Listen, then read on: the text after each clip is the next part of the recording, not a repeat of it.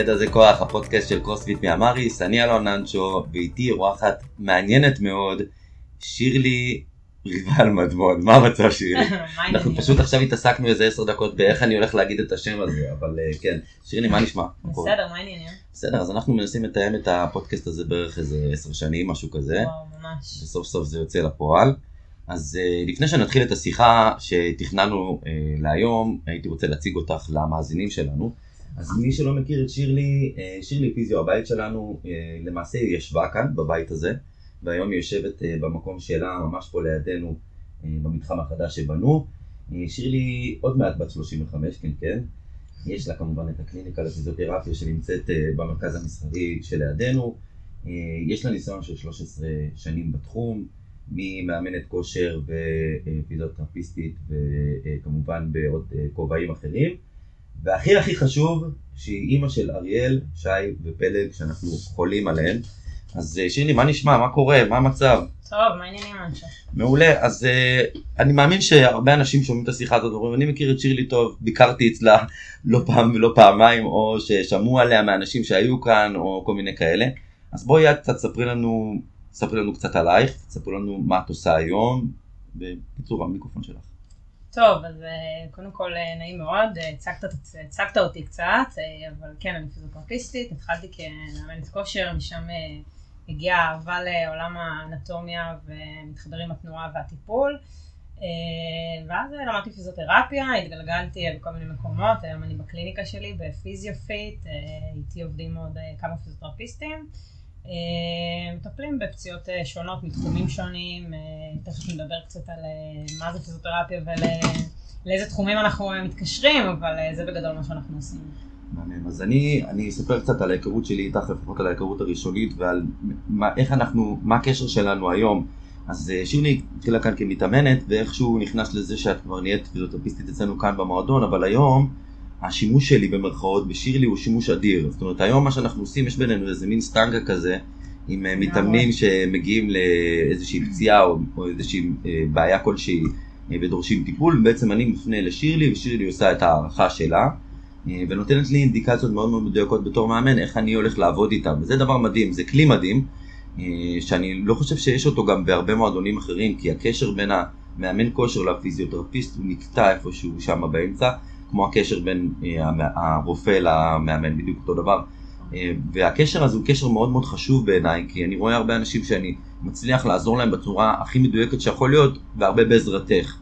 אז uh, אני הייתי רוצה שתספרו לנו, עוד לפני שבכלל אנחנו ניגשים למקרים האלה ולסיטואציות האלה, מה זה בכלל פיזיותרפיה? אז האמת שזה חשוב ממש, אה, אני נתקלת אה, בהרבה מקרים שאנשים לא ממש יודעים מה זה פיזיותרפיה, אז אה, פיזיותרפיה קודם כל אה, זה תחום אה, מעולם הרפואה, זה מקצוע פארה-רפואי אה, מהעולם הקונבנציונלי. אה, אנחנו מתעסקים באבחון, בטיפול, בשיקום, בעיקר כל מה שקשור בבעיות תנועה ותפקוד. עולם מאוד מאוד רחב, ויש בו המון תחומים. מרבית האנשים שמכירים את עולם הפיזיותרפיה כנראה מכירים אותו אה, או מעולם השיקום הנוירולוגי או מעולם השיקום האורתופדי. אה, הרבה יותר רחב, אה, שיקום רצפת אגן, שיקום פה ולסת, בעיות וסטיבולריות. רגע, רגע, שיקום פה ולסת. שיקום כן. פה ולסת. פה ולסת, כן, יש לנו פיזיותרפיה בפה ולסת. זהו, נכון. יש לכם בכלל תחומים מאוד מאוד, זה רחב, זאת אומרת הסיפור הזה הוא סופר רחב, זה לא תמיד הפציעה נכון. באימון. נכון. אז האמת שהעולם הזה הוא מאוד רחב. אפרופו זה, לא כל פיזיותרפיסט יכול לטפל בכל הדברים האלה, זאת אומרת יש הכשרות, אה, תתי הכשרות שעושים, לדוגמה רצפת הגן, לא כל פיזיו יכול לטפל, זו הכשרה מיוחדת. אה, זהו, זהו בגדול, זה התחומים. אז נגיד אם הייתי עכשיו אה, מסתכל על החבר'ה שאת עושה להם טיפולים, על הסוג לקוחות מה שנקרא, מי אני אראה? אז אני מטפלת בקשת רחבה יחסית. אה, בעבר הקרוב יחסית אה, טיפלתי אה, גם במטופלים נוירולוגיים, גריאטריים, היום אני מתמקדת קצת יותר ב, באוכלוסייה שיש לה פציעות אורתופדיות, בין אם זה פציעות ספורט כלשהן, מאיזשהו ענף, מענפי ספורט שונים, ובין אם זה פציעות אורתופדיות בכלל, אנשים אחרי החלפות מפרקים לדוגמה, כל מיני דברים כאלה. את בעצם את עובדת עם קופות חולים היום? יש לך אה, משהו כזה? אה, האמת שלא, אני לא עובדת אה, בהסדר זאת אומרת, עם זה קופות פרטי חולים, לחלוטין. זה פרטי לחלוטין. את רוצה קצת להסביר לנו את ההבדל? כי אני אגיד לך למה אני אומר את זה, כי אני יודע שהרבה אנשים יודעים פיזיותרפיה מהקופת חולים, זה הנקודה הראשונה שנתקלים במילה הזאת. אז כאילו, מה ההבדל? אז אני אסביר לך בגדול.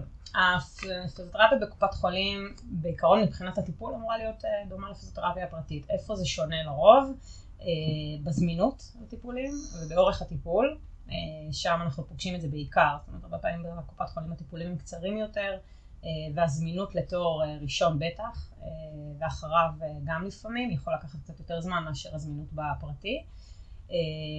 זה, זה מבחינת ההבדלים בגדול, אבל היום רוב המטופלים שמגיעים אלינו, המטופלים שמבוטחים באופן פרטי מעבר לביטוח שלהם בקופת חולים, ככה שהרוב מגיעים אלינו אה, אז דרך אוקיי, אני העולם בעצם. יכול להפעיל את הפיתוח שלי ולקבל ממך שירות. ו- כן, היום רוב הפוליסות הביטוחיות מכסות גם נכון. טיפולי פיזיותרפיה, כן. כן. האמת שבדיוק עכשיו עשינו את זה, באמת הכנסנו את זה, זה מדהים, זה כן. ממש מוזיל את העלות, נכון. זה שווה, באמת שזה שווה. אז איך עובד בעצם התהליך הזה? זאת אומרת, אני עכשיו, אוקיי, בוא ניקח סיטואציה, לא יודע, סתם, ירדתי, עברתי את הכביש, נקעתי את הקרסול. איך אני מגיע אלייך? מה, מה אני עושה שאני מגיע אלייך? איך זה נראה? איך זה עובד? אז יש שתי דרכים להגיע לפיזיותרפיה. הדרך הראשונה היא הדרך שרובנו מכירים אה, מהעבר.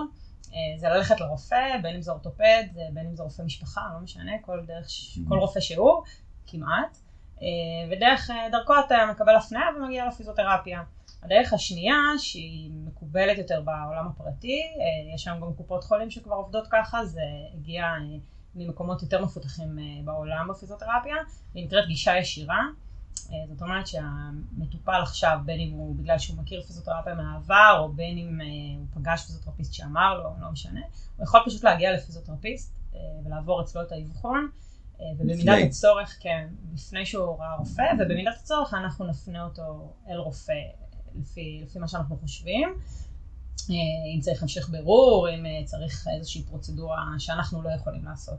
אבל הגישה הישירה היום היא משהו מאוד מאוד נפוץ. אבל זה לא, עושים את זה בארץ? יש את זה בארץ. כן, עושים את זה בארץ. קודם כל בפרטי זה עובד ככה Mhm. כמעט אה, ברוב אבל המקרים. בפרטי זה בן אדם שבעצם צריך להבין שהוא הולך עכשיו לפיזיותרפיסט לפני שהוא הולך לאורתופד. נכון, כאילו הוא גם לא- צריך להבין, אז הרבה פעמים זה מניסיון עבר, או כי הם קיבלו איזה שהם המלצות, חבר שלהם כואב לו בברך, אז Mhm. אני אפנה, נותנים לו המלצה אה, ללכת לפיזיותרפיסט שהוא Mhm. היה ככה, או שפשוט אה, איכשהו, איכשהו שמעו על זה והם מגיעים. בפרטי ככה זה עובד לרוב. בקופות זה עדיין לא כל כך נפוץ, לא כל הקופות עובדות בשיטה הזו בכלל, אבל גם איפה שכן זה עדיין לא לגמרי שם. אז אני הייתי רוצה דווקא להתעכב על זה, כי אנחנו נתקלים בזה המון. זאת אומרת, אני נתקל המון באנשים שאומרים לי, תקשיב, נפצעתי, אני קבעתי תור לאורתופד, אני בינתיים לא מתאמן, עד שהאורתופד יגיד.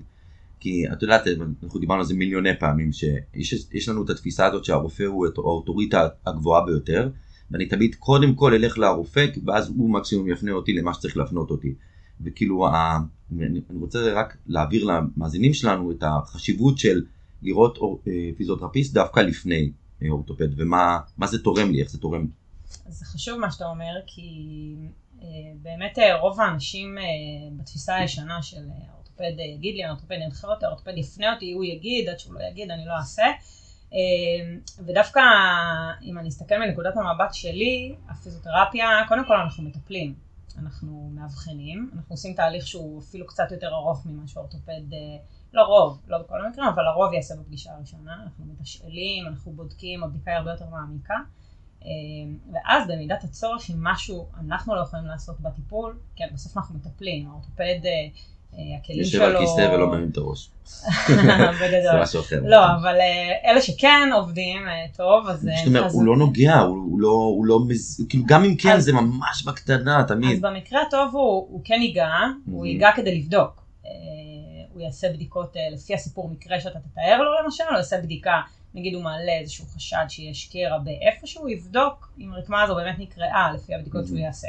אני אתשאל קצת יותר, אני אתשאל דברים שגם יהיו קשורים אחרי זה לטיפ, לטיפול שלי.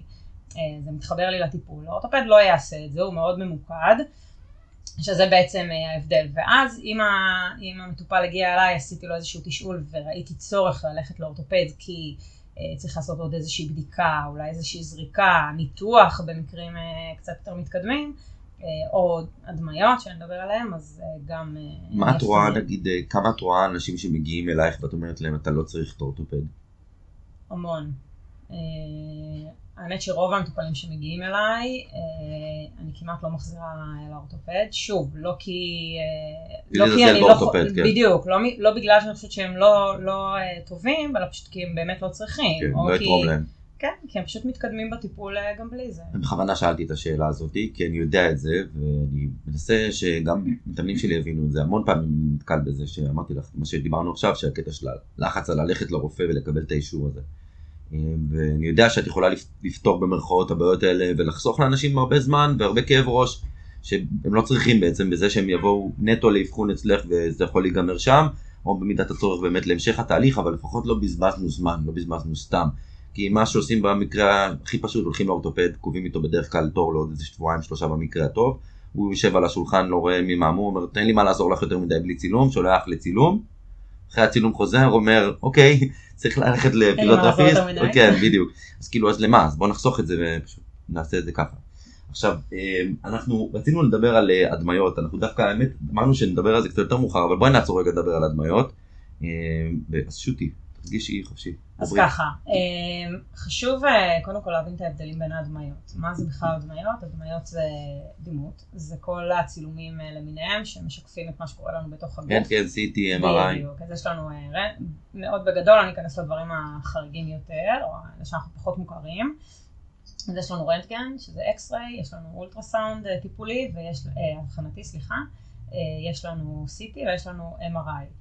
מאוד מאוד בגדול, הבדיקות שבדרך כלל ישלחו, אה, בדיקות ראשוניות כאלה, כן, לא, כן, בקופות אה, אה, הראשוניות זה יהיה או X-ray רנטגן או אולטרסאונד. ההבדלים ביניהם זה שרנטגן זה צילום ממש, שרואה את, את העצם, ממש רואה את העצם. כמו שעושים לנו בשיניים. כן, נגיד. ממש רואים את המבנה של העצם, זאת אומרת שאחרי שברים זו בדיקה יעילה. אם אנחנו רוצים לראות האם יש איזשהו ניוון, שחיקה בעצמות, אנחנו יכולים לראות את זה בצילום רנטגן, משהו במבנה, נגיד הקמת וכאלה. פחות נדבר על רקמות... אה, ופחות נדבר על רקמה רכה. כן. רקמה רכה, הבדיקה הבסיסית היא אולטרסאונד, היא לא רואה מספיק טוב בחלק מהמקרים. אה, ובמקרה שאנחנו צריכים בירור קצת יותר מעמיק, אנחנו נשלח, אה, לא אנחנו, האורתופד, נשלח אה, לבדיקת CT או MRI, לרוב הגולד סטנדרט הבדיקה המועדפת היא MRI, במקרים מסוימים גם CT, היא פשוט בדיקה מאוד מאוד מקרינה, CT, אז אנחנו פחות כאילו לא רוצים לעשות אליה. כן, אבל עדיין שולחים. מה, באיזה פציעות יש נגיד עדיפות לבדיקה מסוימת או שזה לא באמת אה, רלוונטי? נגיד אה, אם יש איזה שהם פציעות אה, גידים בכתף, אם יש פציעות של מיניסקוס או רצועות בברך, אז אנחנו נרצה MRI בכלל, לא רק בברך, כן, בכל מקום, אבל אנחנו נעדיף MRI כי זו בדיקה שממש רואה בחתכים מאוד מאוד בבירור. זה הבדיקה הכי מדויקת לרקמה. אז למה אנחנו לא בעצם שולחים את כולם ישר ל-MRI וזהו? כי בדרך כלל זה ענייני אה, ביורוקרטיות של אה, קופות חולים, ענייני כספים אה, למיניהם. ברוב המקרים מה שיקרה זה שאם יגיע מטופל לאורתופד, הבדיקה הראשונה שישלחו זה יהיה כמובן רנטגן או אולטרסנט כמו שאמרנו, ובהמשך במידה ויהיה צורך ישלחו לעוד בדיקות נוספות, כמו MRI נגיד. אוקיי. Okay. אז בוא נדבר, אז אוקיי, אז, אז למה, אז מה, מה הדיבור? מה הדיבור על הבדיקות? זאת אומרת, מה הקטע של ההדמיות האלה? מה, מה הבעיה בהם יותר נכון? אוקיי, אז uh, רוב המטופלים, או לא רוב, הרבה מהמטופלים, מה הם אומרים לנו? הם אומרים לי, אה, טוב, אני אלך לאורתופד, אני רוצה לעשות צילום, לראות מה קורה לי ב... במקרה דיברנו על, מת... על מתאמנת כאן במועדון שהתחילו להכיר כן. לי בברכיים, שלחנו אותה לשירלי, שירלי דיברה איתה בהודעה, רצו לקרוא פגישה, קודם כל לפני שאני רואה אותך אני רוצה צילום נכון. מהרופא. אז uh, האמת היא שעשיתי את השיחה, היא עוד לא הגיעה לרופא, יש לה תור uh, רק בעוד כמה ימים. Mm-hmm. ואז עוד כמה ימים. כן, ואז uh, אמרתי לה, תראי, בואי נעשה שנייה סדר. Uh, סביר להניח שהבדיקה הראשונית שישלח אותך, כי אין פה איזושהי אינדיקציה מיידית לשלוח אותך ל-MRI. לדוגמה, אם ניקח מתי שכן אינדיקציה מיידית, שחקן כדורגל עכשיו סובב את הברך בזמן משחק כדורגל, גם כי יש הרבה כסף שם, וגם mm-hmm. כי הוא שחקן כדורגל, זה הקריירה שלו, הוא יישלח ל-MRI מיידית. אה, לא רק, אה, כי, לא רק ברמת הבדיקה הראשונית, אלא ברמת הימים, אה, כמה, mm-hmm. כמה זה קרוב. אז למה אמרתי שהבדיקה הראשונה שכנראה ישלחו אותה זה רנטגן? עשיתי את התיאום ציפיות שכנראה לא יראו שום דבר. זה משהו שצריך להבין. כי אם לא הייתה איזושהי נפילה, שיש לנו איזשהו חשד לשבר, או יש משהו שאנחנו חושדים לאיזושהי בעיה שהיא מקורה בעצם. בעקבות טראומה בעקבות שקרתה. אה, או טראומה משהו או בולט, שלא, כאילו. כן, יכול להיות גם דברים שוב, כמו שדיברנו, לא, אה, יכול נגיד, אז- נגיד, אה, אוקיי. אה, אבל דברים שמקורם בעצם. אבל זה לא הגיוני או ב-. במה שהיא מתארת, כי היא מתארת איזה כאב שהתחילה פתאום, וזאת אומרת, זה לא מתאים כל כך ל... לא ת- לא יתאים לתיאור מקרה כן. שלה, שנראה משהו ברנטגן, זאת אומרת אם אני הייתי אורתופד והייתי צריכה לקבל החלטה שהיא נטולת אה, בירוקרטיות, כנראה שהבדיקה הראשונה שהייתי שולחת אותה זה לא רנטגן, הייתי שולחת אותה או לאולטרסאונד אה, כבדיקה בסיסית או ל-MRI. אה, עשיתי את התאום ציפיות שזה בסדר, היא יכולה ללכת אם זה ירגיע אותה, וזה פרט אה, חשוב, שאולי שווה לדבר עליו. אם זה ירגיע אותה אז כן, אז היא יכולה ללכת לעשות רנטגן. והסיבה השנייה זה שבגלל שזו בדיקה ראשונית, יכול להיות שבהמשך אנחנו נצטרך איזושהי בדיקה נוספת, ובגלל שהיא כבר עשתה רנטגן בתחילת התהליך, זה. יכול להיות שייתנו לה איזושהי בדיקה אחרת בהמשך. אבל- אבל את כבר הארכת במרכאות את הפציעה. כן. את, אה, פחות או יותר, היה לי, יש לי כיוונים בראש מהתיאור מקרה שלה. מכמה שאלות ששאלתי אותה בטלפון, אה, אבל אה, כמובן שזה דורש אבחון קצת יותר מעמיק, לא, לא, לא טלפוני, אני צריכה לראות, לדעת. אז בעצם הרבה פעמים אה, אנשים יוצרים לעצמם איזו ציפייה לקבל איזו בדיקה, ואז הבדיקה תגיד לי, הנה, זאת הבעיה שיש לי, ממש. וזה- זה ממש. הס- זה הסיפור. Mm, עכשיו אנחנו נתקלים המון נגיד בפציעות ברך זה אפילו מאוד יותר פשוט כי יש פה מאוד זה מפרק די פשוט להבנה של מה יכול להיות הבעיה אבל נגיד בוא נלך רגע על עמוד השדרה אז בעמוד השדרה זה עוד יותר בולט כי הרבה פעמים אנשים יכולים להגיד נגיד שמע כואב לי הגב לא עובר לי הכאב ואני משתגע מזה ואני רוצה לדעת מה יש לי והם תולים את תקוותם בתמונה בתמונה הזאת שיוצאת מהדמיה שאולי תגיד לי ואז הם הולכים ועושים את הצילום גב ואנחנו רואים שם הכל שבור בלטים ממש. פרצות דיסק עניינים והנה אומרים הנה זאת הבעיה ואז אנחנו מתחילים טיפול, מתחזקים, ולפעמים זה לא נפתר. אז כאילו, נכון. מבינה? כן. יש, יש עם זה עניין, כי עם כל העניין הזה, קודם כל זה עניין שמדובר היום הרבה, נחקר הרבה, מדובר הרבה בעולם הפיזיותרפיה אה, ובכלל בעולם הרפואה, של כמה אנחנו אה, רוצים אה, לבדוק וכמה הדמיות האלה הן אה, תלושות מהמציאות או תואמות מציאות.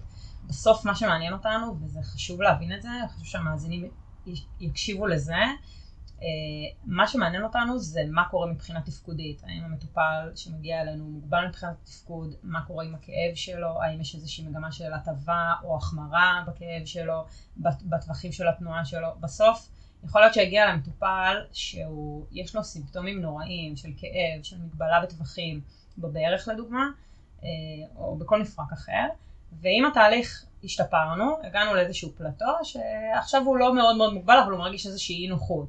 והוא ממש ממש מתעקש ללכת לעשות MRI לדוגמה. שלחו אותו ל-MRI, הוא עבר את כל הבירוקרטיות וגילו שיש לו איזשהו קרע במיניסקוס, מה עכשיו? אנחנו ננתח את זה, אנחנו לא ננתח את זה, מה אנחנו רוצים לעשות עם הדבר הזה? זאת אומרת, זה שגילינו שיש משהו בהדמיה, זה לא אומר שום דבר בהכרח, Mhm. זה חייב להיות מחובר לסימפטומים, והסימפטומים זה הדבר שיוביל לנו את ההחלטות בסוף. בסופו של דבר את רוצה לדעת מה אתה מרגיש, ואת בדיוק. רוצה לראות שמשתפרים וזה מתקדם. זאת אומרת, פחות. משנה לך אם הפריצת דיסק היא ב-L4, L5 או לא יודע מה. לגמרי. זה חשוב להבין, אני חושב שהרבה אנשים לא מבינים את הסיפור הזה. אנחנו מנסים כאילו בכוח להגיד, הנה, יש לי פריצת דיסק, זה, ה- זה האישו, למה- בגלל זה אני ככה, בגלל זה אני מוגבל. אני שומע את זה דרך אגב גם מאנשים שמצטרפים למוד, המון. כן. תשמע, אני לא יכול להתאמן כמו שאתם רוצים, כי יש לי פריצת דיסק.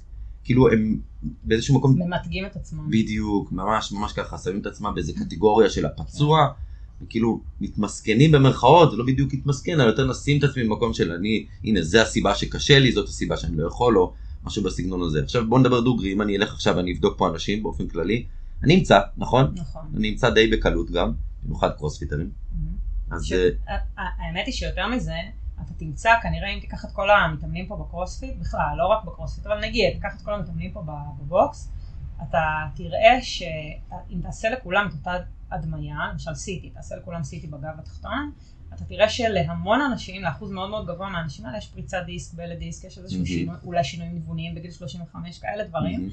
בגב התחתון והם בכלל אסימפטומטיים, אין להם שום כאב, שום מגבלה, שום, שום דבר. זאת אומרת שהקשר בין מה שאנחנו מוצאים בדימות לבין מה שאחרי זה המטופל מתלונן עליו, לפעמים זה זהה, לפעמים זה דומה, אבל לא תמיד. זה משהו שמאוד מאוד חשוב להבין אותו, ולא, ובמיוחד אם כבר הלכתם ועשיתם את הבדיקה הזאת, וקיבלתם איזה שהן תוצאות, להבין את המשמעות שלהם. זאת אומרת, זה לא בהכרח גזר דין, זה שיש לך פריצת דיסק זה לא גזר דין, אה, זה לא אומר שלנצח תחיה עם כאב, גם אם יש לך כרגע כאב, זה לא אומר שלנצח תהיה מוגבל, יותר מזה לא לנצח יהיה לך פריצת דיסק אולי אפילו. אה, וזה צריך, צריך להבין את זה, אולי זה ירגיע קצת, אבל לקחת את זה בפרופורציה. אני חושב שזה המשפט החשוב ביותר בפרק שלנו עכשיו.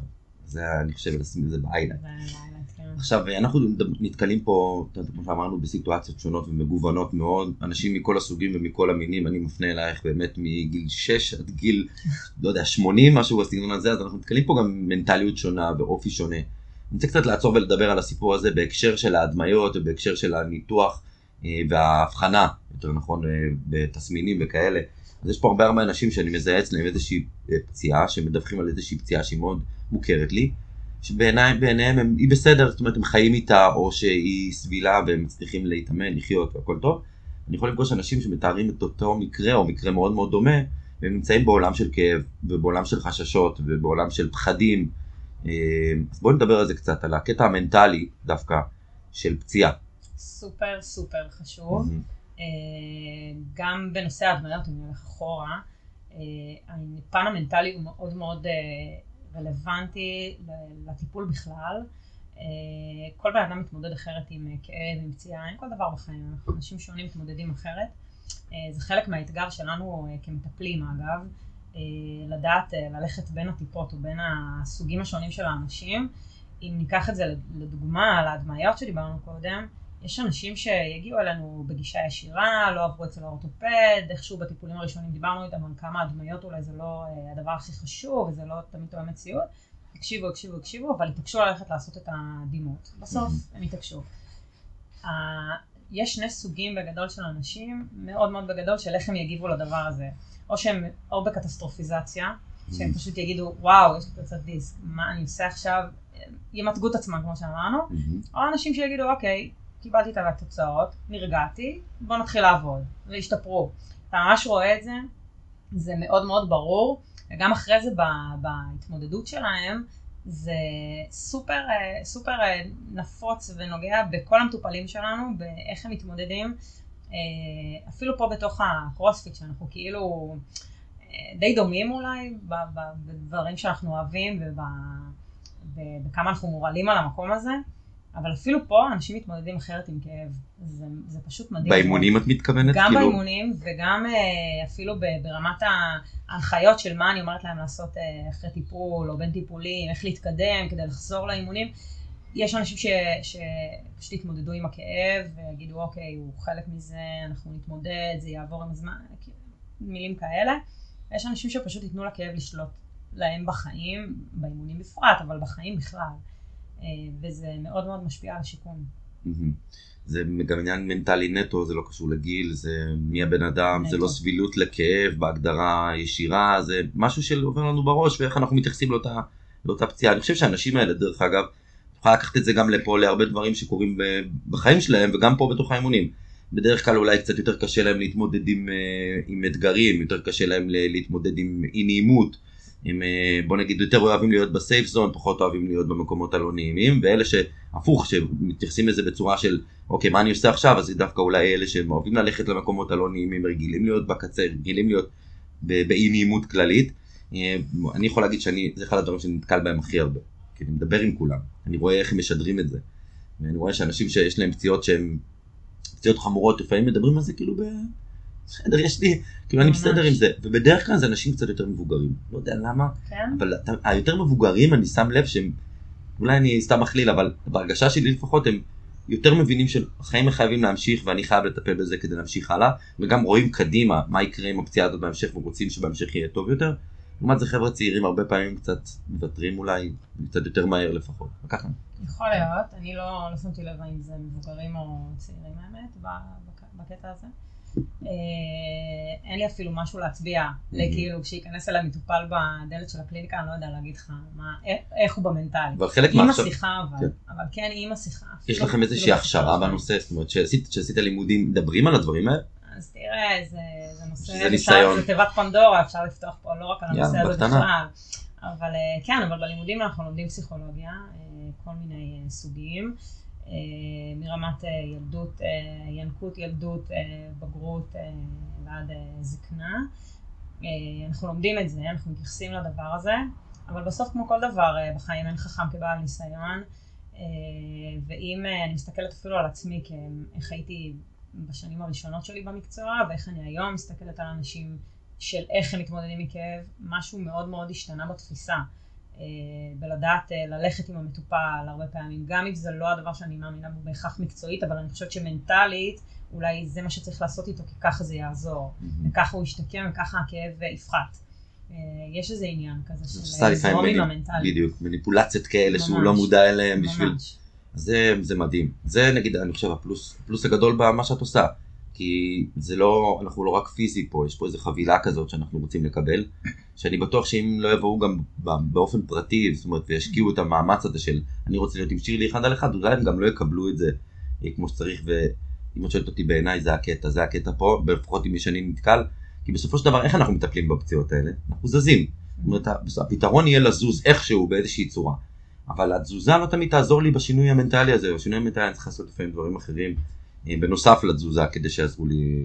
אז אם אנחנו כבר מדברים על זה, בוא ניגש לענייננו, אה, לא, לא ציינתי את זה בתחילת השיחה, אבל שירלי קרוספיטרית, קרוספיטרית אה, מספר אחד, באמת משקיעה בתוך האימונים בצורה, מש, בצורה חזקה ומאוד מאוד רוצה את זה, גם אודליה איתה בסיפור הזה, אודליה, אנחנו חייבים לציין אותך פה מתישהו, ואתם לגמרי בתוך האימונים, את חיה את האימונים, אה, אני רואה אותך משקיעה בטירוף, אה, אני אישית עובד איתך לפעמים על תרגילים מסוימים, אבל כשאני מסתכל עלייך מהצד אני רואה שאת מאוד מאוד, אה, בוא נגיד, רוצה להתאמן, רוצה להתאמץ, רוצה לעבוד קשה, אז בואי תספרי לנו קצת על ההיסטוריה שלך בתור מתאמנת, ואז נוכל אולי להשליך על זה מפה ולצאת לסיפור של פציעות קרוספיט וזה בהמשך. יאללה, אז אני גדלתי כילדה שאוהבת תנועה. אה, לא הייתי איזה ספורטאית מקצוענית, שחיתי קצת, התאמנתי הרבה בחדרי כושר אה, למיניהם. אה, אחרי הטיול הגדול בדרום אמריקה היה לי בור ללא תחתית, ואז הלכתי לעשות קורס מאמנים, ומשם המשכתי להתאמן, וחדרי כושר. פעם ראשונה שמעתי על, קרוספיט, זה היה לפני נגיד שמונה, עשר שנים, משהו כזה. אמרתי, מי זה המשוגעים האלה שהולכים לשם להיפצע? זה בגדול מה שחשבתי. אה, נראה לי זה גם מה שהרבה חושבים אה, מבחוץ עד שנכנסים לתוך העולם הזה ומבינים שזה בדיוק ההפך אולי. אה, ואז הגעתי לפה לפני ארבע שנים, אני חושבת. עשיתי גם לפני כן אימונים בסגנון הזה. ואז הגעתי לפה לבוקס, אני חושבת שאיפשהו בקרוספיט מצאתי את כל מה שאני אוהבת וטובה בו. שמתחברים לי ביחד, וזו השעה שלי אה, ביום, אמנם אני אותה כל יום, אבל... גם את לא בדרך כלל לבד עושה אותה, אבל כן, בסדר. אה, אבל זה חלק מהזוגיות, זה חלק מהכיף שלנו. אני דיברתי על פלג, אבל אה, בסדר. בדרך כלל היא פה איפשהו, מתי שאת מתאמנת, אבל כן. כן. אז זה חלק, זה השעה שלי ביום, וזה לגמרי השקט שלי והכיף שלי. אה, אני ממש באה לפה לפרוק, ומעבר לזה גם להצליח לעשות את הדברים אה, שאני לא מצליחה, זה ההישגיות הזו, זה משהו שהיה לי לפני והוא מתחבר פה לקרוספיט אה, חזק. כן, באופי שלך את כזאת אחת שכאילו את רוצה לסמן וי על דברים מסוימים, להרגיש את נכון. ההרגשה הזאת, זה נותן לך את המוטיבציה, נכון. מתאמנת קלאסית בסיפור הזה, אבל אני יכול להגיד גם שאת מתמודדת עם קשיים. נגיד, נכון. אני יכול לתת אותך כדוגמה להרבה התמודדות עם אתגרים שלא באים לך בקלות, דברים שלא לא הפורטה שלך, ואת עדיין לוקחת אותם, אומרת אני אעשה אותם, ומשיגה תוצאות מדהימות, וזה ככה הפרגון שלי אלייך ממה שאני רואה מהצד. סתם דוגמה, אני אתן את ה kipping pull-up שלקחת את זה כאתגר, ובאמת משקיעה בזה המון. צריך קצת לשתף, לספר מה את עושה, מה, איך הולך ומה קורה. אה, כן, בקצרה, תרגיל שטכנית אה, לא התחבר לי עוד אה, לפני הלידה. איכשהו הייתי מצליחה לעשות butterfly pull-ups ולא kipping pull-ups, כן, כן. אה, משהו בתנועה שם לא התחבר, והחלטתי אה, בחודש האחרון נראה לי, משהו כזה שדי, אה, אחרי ארבע שנים בקרוספיט אני צריכה לעשות kipping pull-ups, והתחלתי להתאמן על זה, וזהו, ובעזרתך. בעיקר בזכותך, אבל כן. כן, אבל אני קצת push. מצאנו כל מיני דרכים אה, לשפר את זה, וזהו, נשארת בסוף כל אימון, לעשות את איזה שלושה ארבעה סטים כאלה של לעבוד טכנית ולשפר. לא משקיעה יותר. מדי, בקטנה, קצת בסוף האימון, שלוש ארבע פעמים בשבוע, זאת אומרת כן. זה לא עכשיו בטירוף, אבל נכון. אבל זה עדיין איזה שהיא השקעה שמסוימת. זה- לגמרי. רק רציתי ככה לפרגן לך וזה, אנחנו נמשיך בשיחה. בכיף. אז בואי נדבר קצת על פציעות קרוספיט, אני חושב שזה נגיד אולי הנושא הכי מדבר אל המאזינים שלנו, וגם הנושא הכי עיקרי שאנחנו מתעסקים איתו. ואנחנו נדבר על פציעות קרוספיט, אני רוצה שנהיה קצת יותר ממוקד. במה את נתקלת? מה הדברים, הפציעות השכיחות ביותר שאת נתקלת בהן, אה, של מתאמנים שמגיעים בעיקר מה box? אני חושבת שהפציעה אה, הכי נפוצה, או האזור בגוף הכי פציע אה, מהקרוספיט שאני נתקלתי זה כתף. אחד המפרקים הכי פציעים פה. יש משהו יש ספציפי? לנו- בפציעת כתף ספציפית?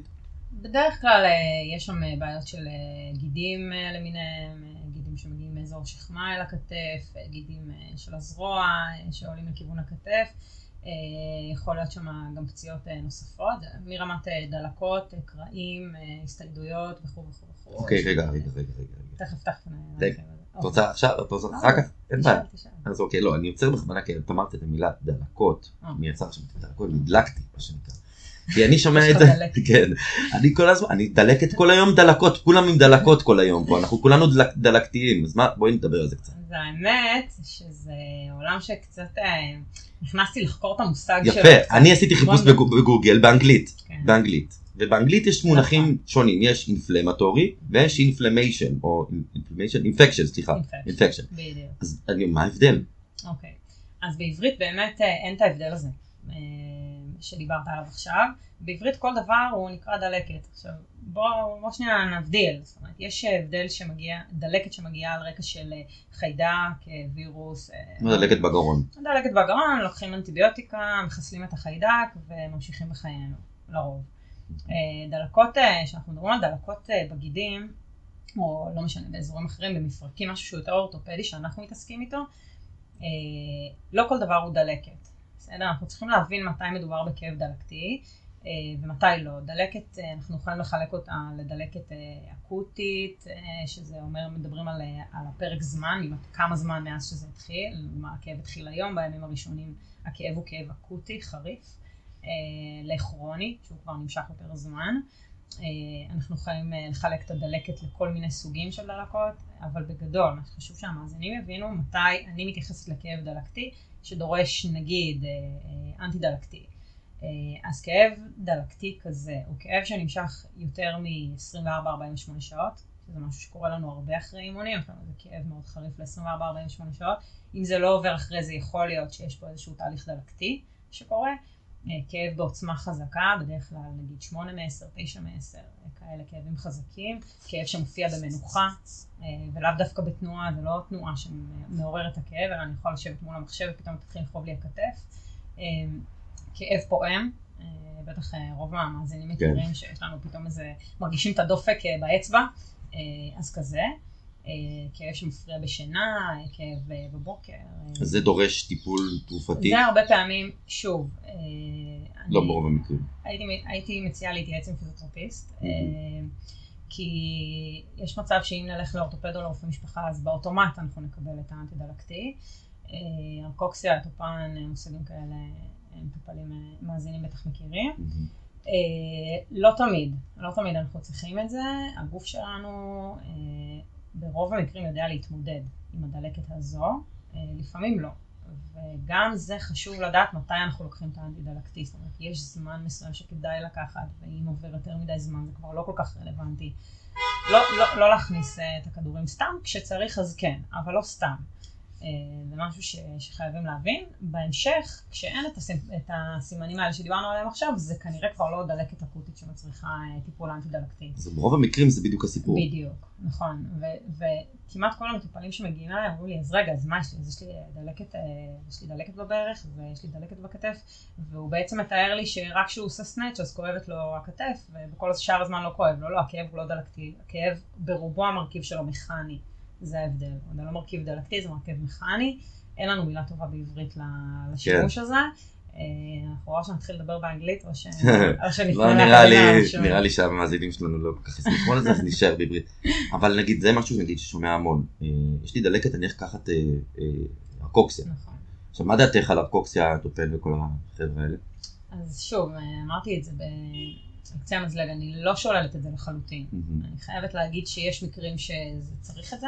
זה יכול לעזור לנו בשלבים הראשונים של הדלקת, כשבאמת מדובר בדלקת האמיתית של המושג, או במרכאות אמיתית. מהמם. כן צריך להשתמש בזה, כן כדאי להשתמש בזה, כי זה יכול לתת לנו איזושהי הטבה משמעותית לשלבים הראשונים, כדי שנוכל להתמודד עם המרכיב המכני. זאת אומרת שירד העומס אה, של הכאב, ואז נתחיל לטפל בזה. בדיוק. זה לא. רק, זה לא רק לקחת אקמול, זאת אומרת, זה לא להקל על הכאב אה, כרגע, אבל בעוד יומיים הכאב החזק הזה של השמונה מעשר במנוחה ימשיך. זה לטפל בדלקת. כן, התרופה היא כאילו ישירה לדלקתיות בדיוק. במקום הספציפי. אז בוא נחזור רגע לפציעות קרוספיט.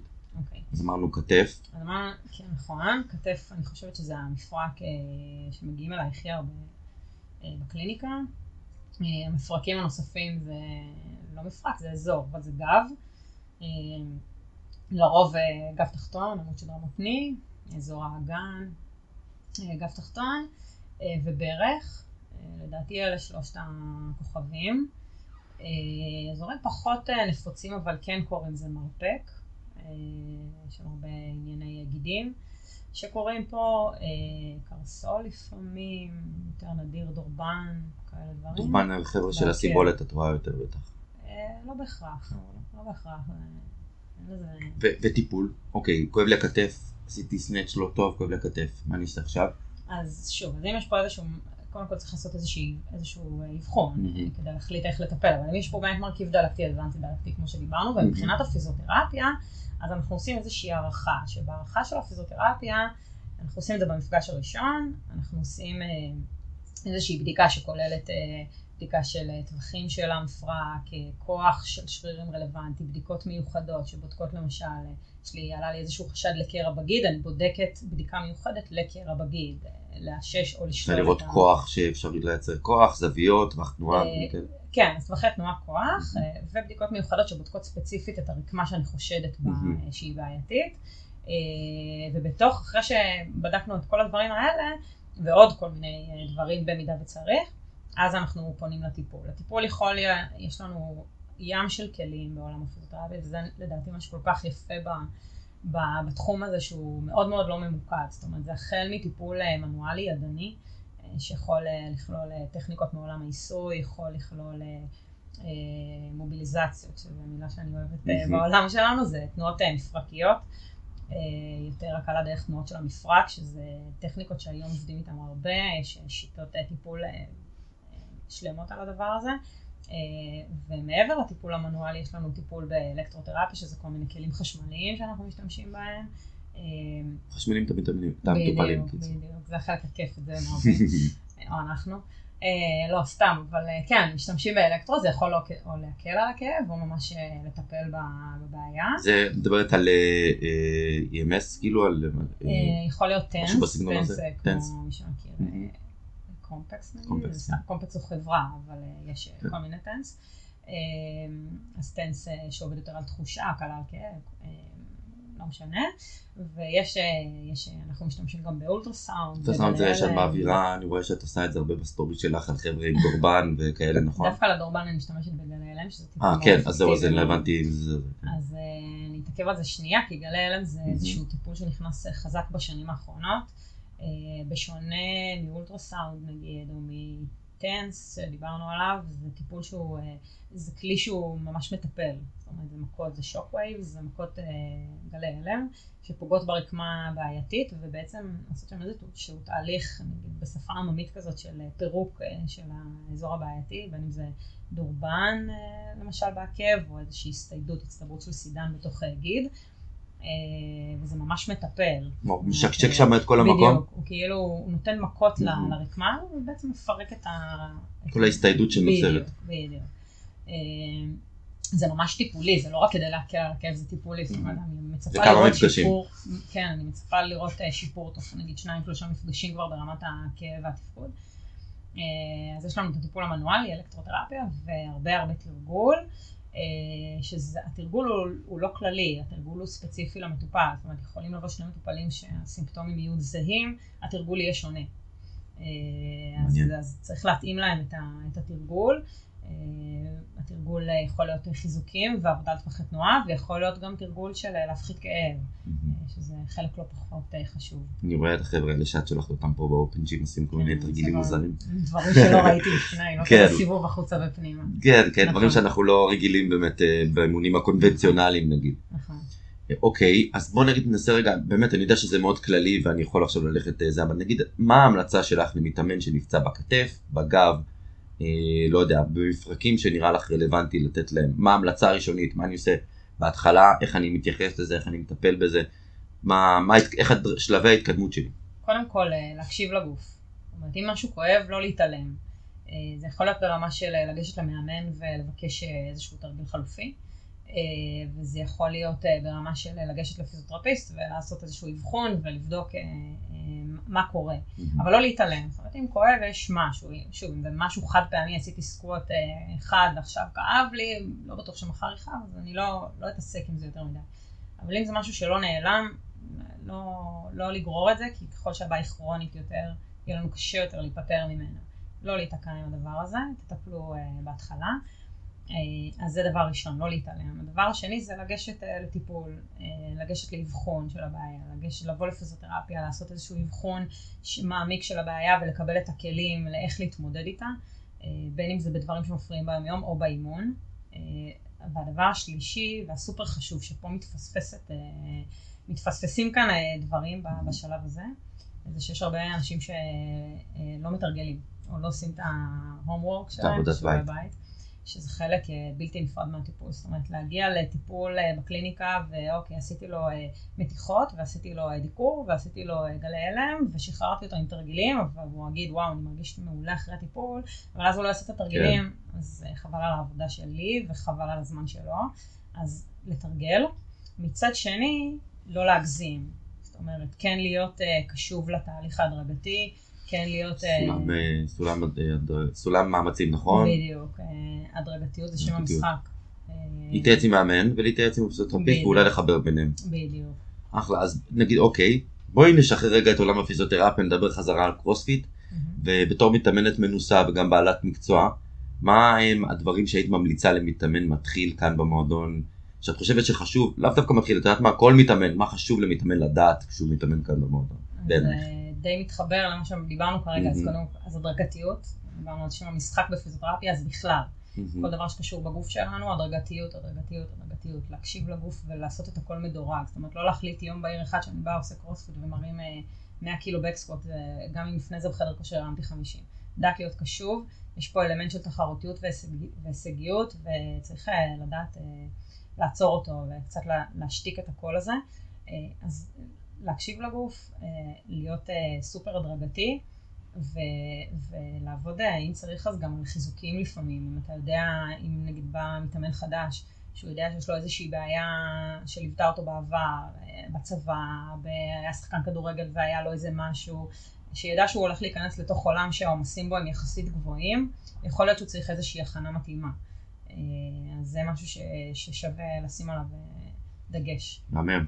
אז תראי, אני יכול, אה, כמו, האמת שאני אומר את זה הרבה בפרקים, כי אנשים שאני מביא הם אנשים מעניינים, אבל אני, איתך אני, אני באמת, אני מגלגל שיחות איתך, אנחנו יכולים לשבת עכשיו איזה 3-4 שעות פה להרביץ, לחפור. כאילו, מה זה לחפור?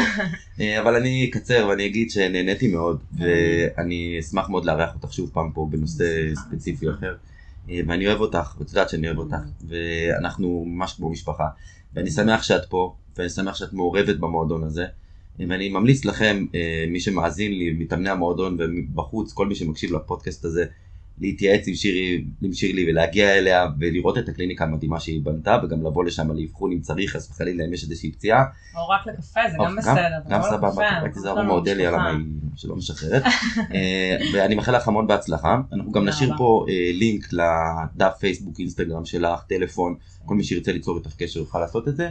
אז תודה רבה ותודה רבה לכם. ונשתמע בפרק הבא.